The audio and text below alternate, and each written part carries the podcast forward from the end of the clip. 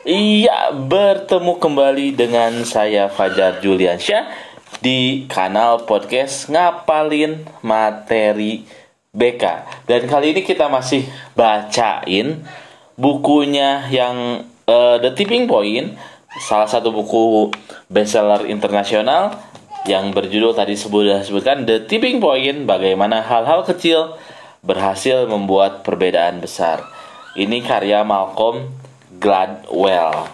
Nah, kita masih bacakan, masih bacain di bagian pendahuluan. Gak lama-lama kita lanjut.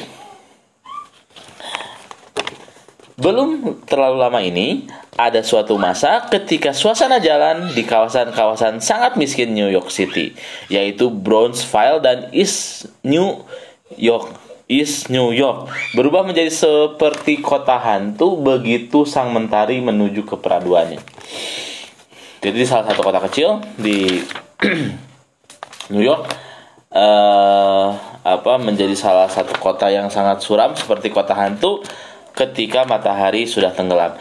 Pada siang hari pun sebenarnya hampir tak ada pejalan kaki yang lewat.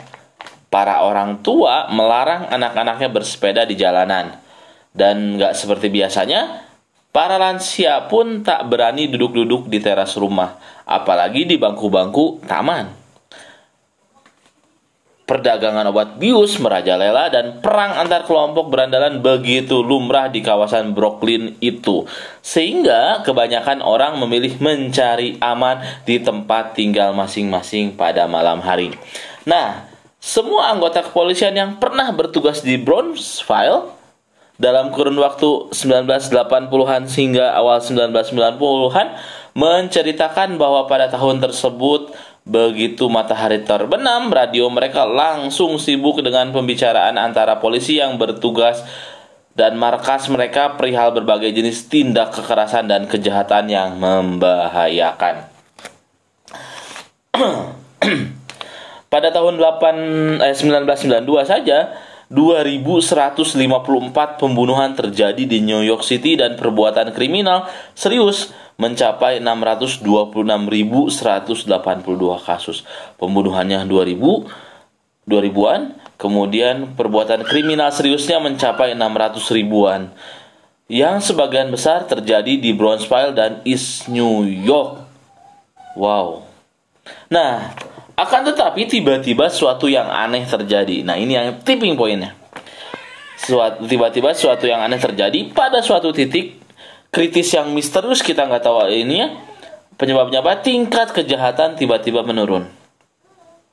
Kriminalitas di kawasan itu tiba-tiba mengalami perubahan yang sangat dramatis. Hanya dalam selang waktu 5 tahun saja. Kasus pembunuhan menurun 64,3 persen yang asalnya tadi 2100-an menjadi 770. Wow. Dan kasus tindak kekerasan yang asalnya tadi berapa 626.182 kasus menjadi seturun setengahnya menjadi 355 355.000. Nah, di Brownsville dan di dan York ini bahu jalanan ramai lagi diramaikan lagi oleh para pejalan kaki. Sepeda-sepeda mulai berkeliaran kembali dan para lansia sudah mulai tidak takut duduk-duduk di beranda rumah mereka. Diceritakan, katanya, dulu kami tidak terkejut setiap kali mendengar rentetan tembakan. Sekali lagi, dulu kami tidak terkejut setiap kali mendengar rentetan tembakan. Dengan suasana mencekam seperti di medan perang, perang Vietnam, kata inspektur kepolisian Edward Mesadri, kepala sektor kepolisian di Brownsville. Nah, kini katanya dilanjutkan lagi, tembak-menembak itu tidak ada lagi. Kenapa? Nanti sambil kita bahas. Eh, nah, eh, lanjut baca. Pihak kepolisian New York City akan mengatakan kenapa uh, kenapa seperti itu ya? Katanya kata kepolisian New York City katanya mengatakan kepada orang-orang bahwa yang terjadi di New York adalah berkat keampuhan strategi kepolisian. Kata spesialis kriminolog, katanya berpendapat penyebabnya adalah menurunnya perdagangan obat bius dan populasi yang kini didominasi kelompok usia lanjut. Sementara itu, beda lagi, para pakar ekonomi mengatakan bahwa ini berkat perbaikan ekonomi secara bertahap selama kurun waktu 1990-an. Yang pada gilirannya membuat para calon penjahat sibuk dengan pekerjaan halal yang kini tersedia bagi mereka. Nah, itu di situ ada beberapa penjelasan sekali lagi tadi ke kepolisian mengklaim strategi kepolisiannya bagus. Kriminolog katanya menurunnya perdagangan obat bius dan populasi yang kini didominasi lansia katanya kan. Usai lanjut. Kemudian para pakar ekonomi mengatakan bahwa gara-gara apa gara-gara eh, ekonominya secara bertahap meningkat. Yang membuat yang pada gilirannya membuat para calon penjahat sibuk dengan pekerjaan halal katanya kayak gitu. Nah, begitulah penjelasan-penjelasan konvensional katanya. Untuk naik dan turunnya masalah-masalah sosial meskipun pada akhirnya tak satu pun yang lebih memuaskan daripada pernyataan seperti bahwa kebangkitan Hespapis yang episode sebelumnya diceritakan disebabkan oleh ulah beberapa anak di East Nah, perubahan perdagangan obat bius, perubahan komposisi populasi dan perubahan ekonomi semuanya merupakan kecenderungan-kecenderungan jangka panjang sebetulnya yang berlangsung di mana-mana.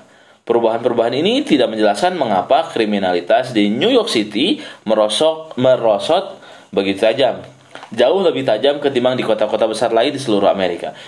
Dan juga tidak menjelaskan mengapa semuanya terjadi dalam kurun waktu yang cepat. Betul, perbaikan dalam strategi kepolisian juga penting. Betul juga uh, adanya populasi yang berbeda. Tapi akan tetapi ada kesenjangan yang misterius yang kita nggak tahu apa itu antara skala perubahan dalam strategi kepolisian dan perubahan yang terjadi di tempat-tempat seperti Bronzeville dan East New York. Yang jelas, penurunan kriminalitas di New York signifikan ketika kondisi-kondisi itu kondisi-kondisi di kawasan tersebut berangsur-angsur membaik.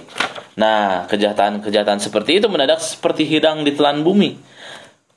Tapi pertanyaannya, mungkinkah perubahan ekonomi dan sosial yang tak seberapa menyebabkan penurunan kasus pembunuhan sampai 2, 2 per 3 dalam 5 tahun? Mungkin jawabannya jauh. Maka dari itu, muncullah konsep the tipping point. Bahwasanya hal-hal kecil bisa merubah berdampak menjadi besar. Kira-kira seperti itu. Kita lanjut lagi di podcast selanjutnya. Kita masih bacain The Tipping Point bagian kedua. Terima kasih. Assalamualaikum warahmatullahi wabarakatuh.